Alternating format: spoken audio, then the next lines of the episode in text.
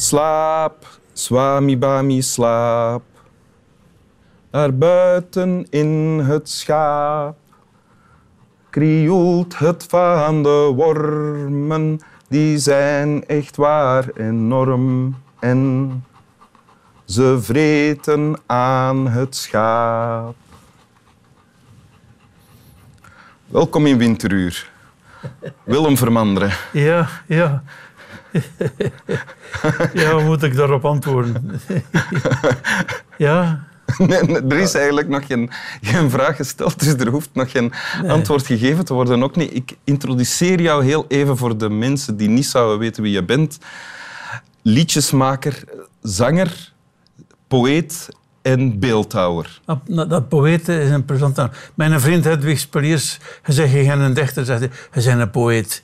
Hij pakt die klarinet vast en er komt muziek uit. Ja. En hij pakt uw gitaar en er komt ook muziek uit. Zomaar. En eh, ja. Maar eh, ik ben een beeldhouwer die af en toe niet kan gaan zingen. Voor de buitenwereld is dat omgekeerd. Maar uh, mag me er lang niet meer, geen zorgen niet meer Nee. over. En een beeldhouwer die ook af en toe te gast is in Winteruur en een gedicht bij heeft van Guido Gezelle. Guido Gezellig, ja. Ja. Ja, uiteindelijk. We komen altijd bij Gezellig terug. Ja. Ja. Kunnen niet. ja, dat is omdat je daar zoveel van jezelf in herkent natuurlijk. Hè. Ja. Ook heel die religieuze achtergrond en zo. eh, Wil Van waar komen wij? Dan wil je het eerst voorlezen? Ja. aan de onbekende lezer. En dat gedicht noemt het laatste. Hoe zoet is het om te peinzen dat, terwijl ik rust misschien, een ander ver van hier, mij onbekend en nooit gezien, u lezen kan, mijn dichten, mijn geliefde. En niet een weet van al de droeve falen van uw vader, de poëet. Hoe blij en is het niet gedacht? Hoe blij en is het gedacht niet als ik neerzette en de pijs, u volgend, waar geloopt op uw gezwinde wereldreis, dat zondig en ellendig als ik ben, geliefde kroost, uw stemzon waarin geen zonde een zet, misschien een ander troost. Uw stemme kan verblijden, schoon hij droef, zij die u miek. Uw stemme kan genezen, zei de dichter, nog zo ziek. Uw stem misschien doet bidden, wijl ik zucht en biddensmoe versteend zette en mijn harten nog mijn ogen open doe. O dichten die ik gedregen, die ik gebaard heb in de pijn des dichtens en gevoesterd aan dit arm harte mijn. Mijn dichten die ik zo dikwijls herkastijd heb, hergekleed, bedauwend met mijn tranen en besproeiend met mijn zweet. Ja, mijn dichten, mijn geliefde. Dat is zo... Dat die een vent die nooit geen vrouw had, heeft, eh, die niet weet wat er hem scheelt. hè. Dat is zo, zo schamel, zo... Ja.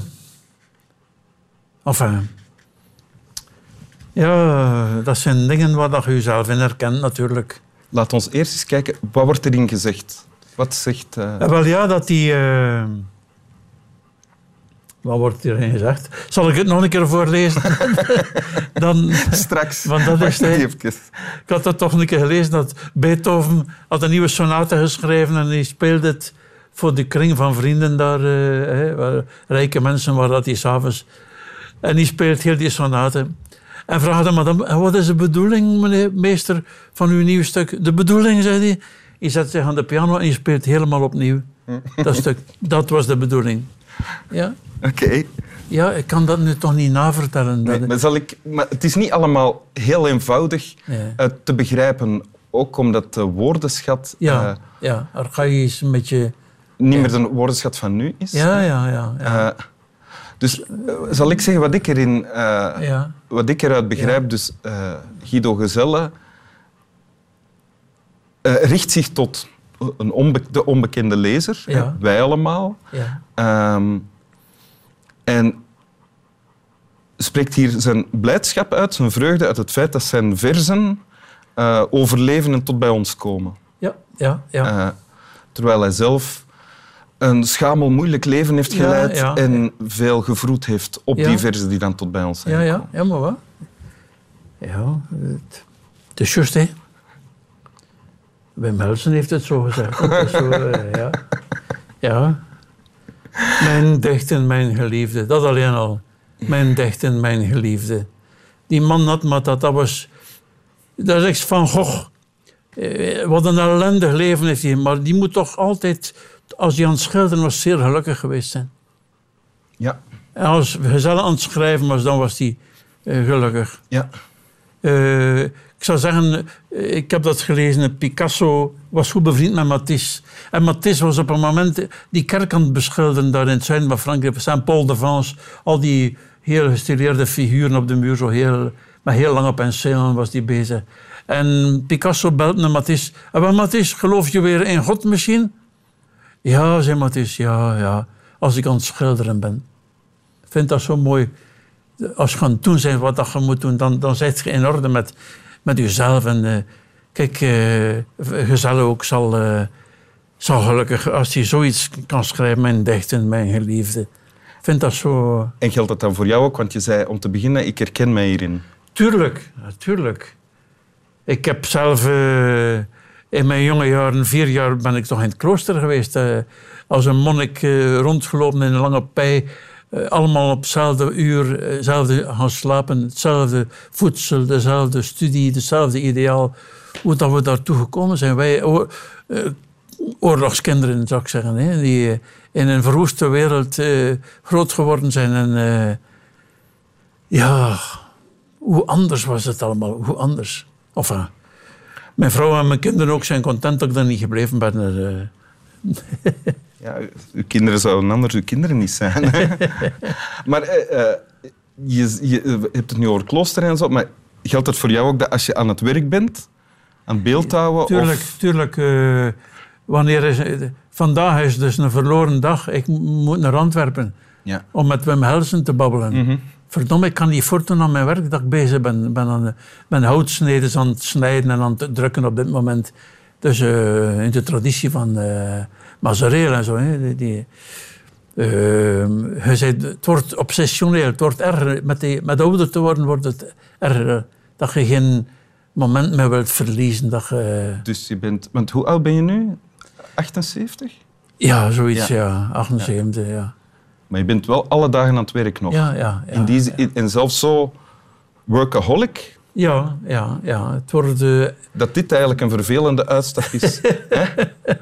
Ja, toen Maar, had je eh, mij nog niet ontmoet. Hè? voilà, dat is Ja, het. voilà. Dat maakt alles goed. Ja. Willem, eh, wil je het gedicht nog eens voorlezen, alstublieft? Hoe zoet is het om te peinzen dat terwijl ik rust misschien een ander ver van hier, mij onbekend en nooit gezien, u lezen kan mijn dichten, mijn geliefde. En niet ten weet van al de droeve vallen van uw vader, de poëet. Hoe blij en is het gedacht niet als ik neerzette en de pijs u volgend waar hij loopt op uw gezwinde wereldreis. Dat zondig en ellendig als ik ben, geliefde kroost, uw stem waarin geen zonde in zit, misschien een ander troost. Uw stemme kan verblijden, schoonheid droef, zij die u miek. Uw stemme kan genezen, zij uw dichter nog zo ziek.